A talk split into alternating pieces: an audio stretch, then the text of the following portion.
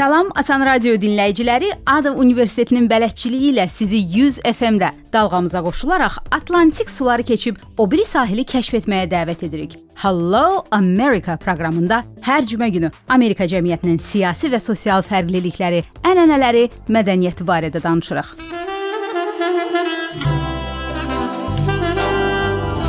Toy düyün sevən xalqımız üçün vağzalı tez-tez eşitdiyi havadır. Evdə subaylar olsa da, olmasa da toya dəvətnamə həmişə tapılar. İlin hər mövsümündə. Amerikalılar üçün isə toy mövsümünün adı var.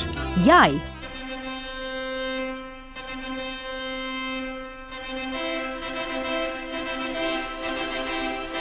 Birləşmiş Ştatlarda çalınan toyların 80%-i məhz yay aylarına düşür. Bunun səbəbi isə çox sadədir. Azərbaycanda saysız hesabsız şadlıq sarayları sizin şad gününüzü hər havadan qoruya bilirsə, Amerikalılar toy mərasimini məhz açıq havada keçirməyə üstünlük verirlər. Bunun üçün isə yay mövsümünü gözləmək lazım olur.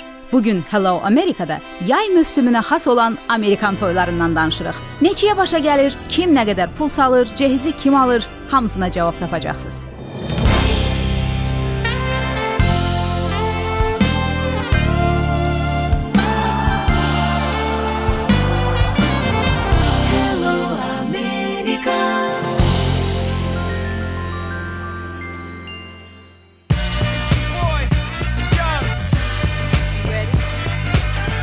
Hər xeyir işin ortasında üzük neçəyədir məsələsi durur. Amerikalılar bunu riyazi şəkildə çözüblər. Adət budur ki, qızın üzüyünün qiyməti oğlanın aylıq maaşının 3 misli olmalıdır. Qayda olaraq qəbul edilən bu adət əslində bir şirkətin marketinq taktikasından yaranıb.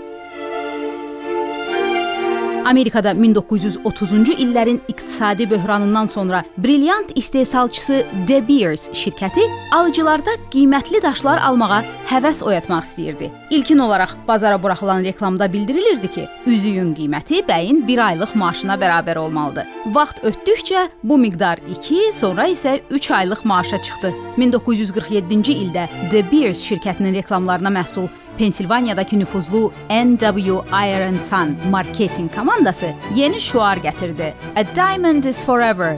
Brilyant həmişəlikdir. The diamond engagement ring. How else could 2 months salary last forever? A diamond is forever. Və beləliklə nişan üzüklərinin sadəcə bahalı metal yox, üzərində tək qaş brilyant olan bahalı metal anlayışını kütləviləşdirdi. Bu gün belə üzüyü 5-6 min dollar civarında almaq olar. Təsadüfdən bu elə orta aylıq maaşın 2 və ya 3 mislinə bərabərdir. 20-ci əsrin əvvəlində marketinq fəndi kimi başlanılan bir məsələ bu gün Amerika mədəniyyətinin bir parçasına çevrilib. Darling, I will be loving you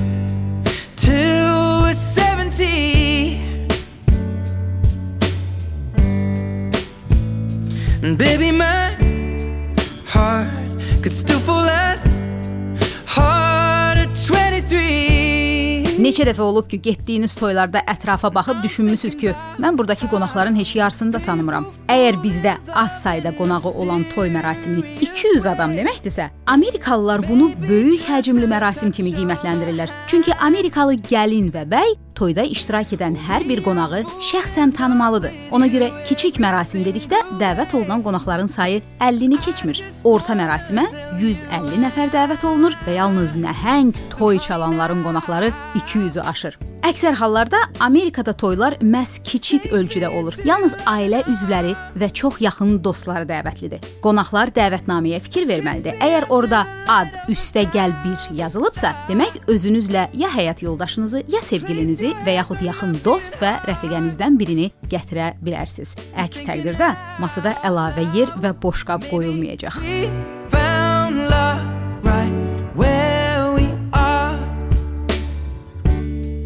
Dəvətlilərin sayını məhdud saxlamağın digər məqsədi də var. Amerikan toyuna dəvət olunmusunuzsa, demək bəy və gəlini nəinki tanıyırsınız, onların birlikdə olmasına rəvac vermisiniz. O zaman gənclərin yalnız toy günündə iştirak etmirsiniz. Toydan əvvəl rehearsal dinner, axşam yeməyində də iştirakınız gözlənilir. Burada adətən mərasimin gedişatı nəzərdən keçirilir, tostlar söylənilir, kiçik hədiyyələr təqdim olunur. Oğlan və qız tərəfi biri-biri ilə yaxından tanış olur ki, səhərsi gün keçiriləcək toy mərasimində artıq hamı özünü rahat hiss etsin və doyunca əylənsin. Hədiyyələr demiş. Amerikan toylarına nə qədər pul salırlar?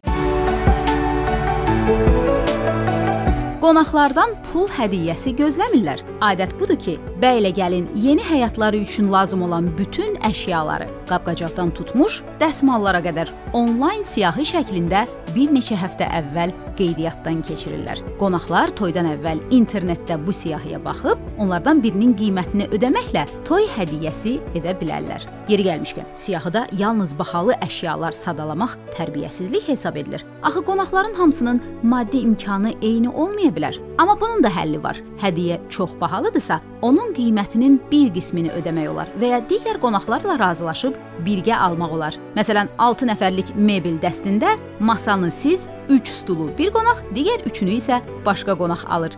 Siz cibinizə uyğun hədiyyə edirsiniz, evlənənlər isə məhz onlara lazım olan əşyaya sahib olurlar. Beləliklə hamı qane olur.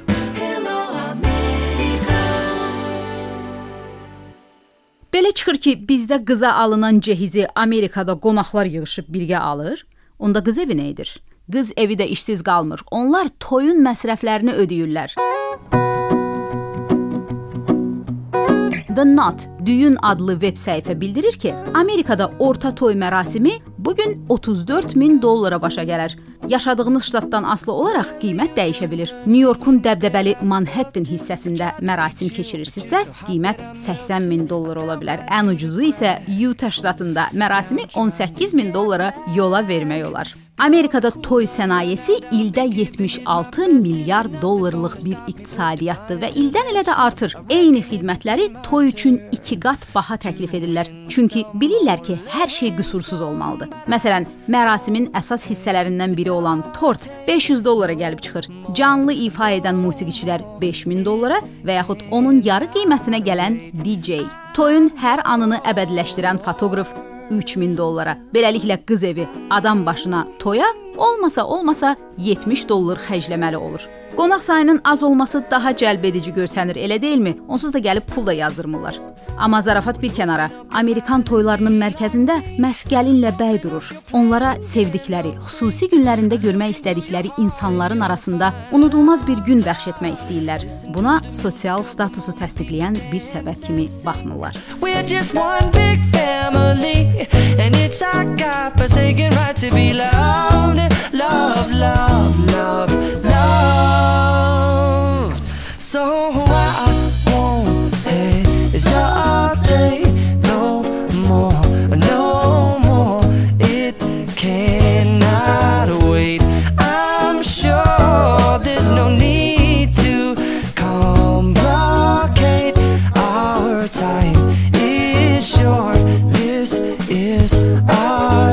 I'm yours. Do do do do do, but do you do do do do, but do you want to come on? Scooch on over closer, dear,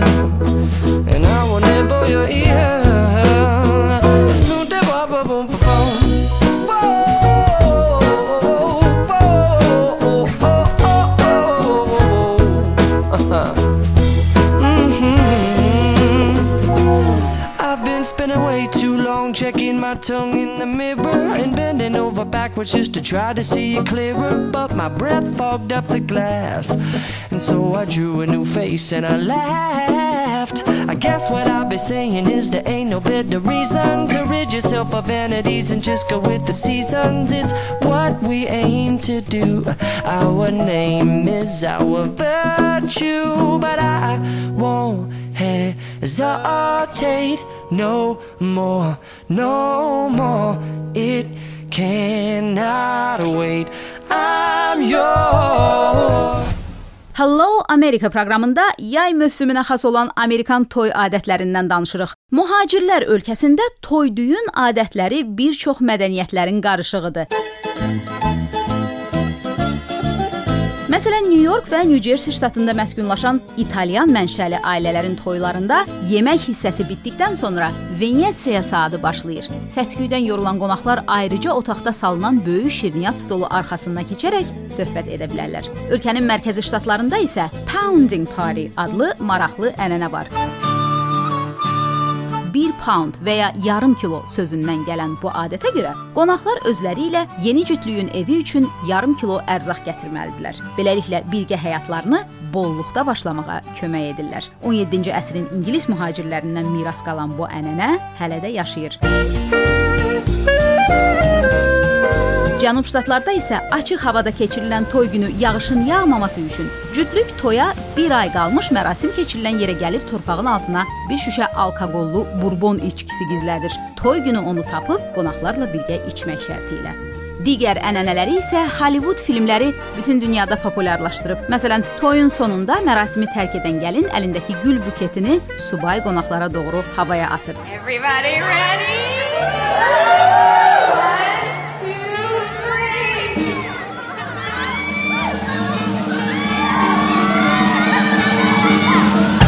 Kim tutdusa, növbəti ailə quran da məhz o olacaqdı.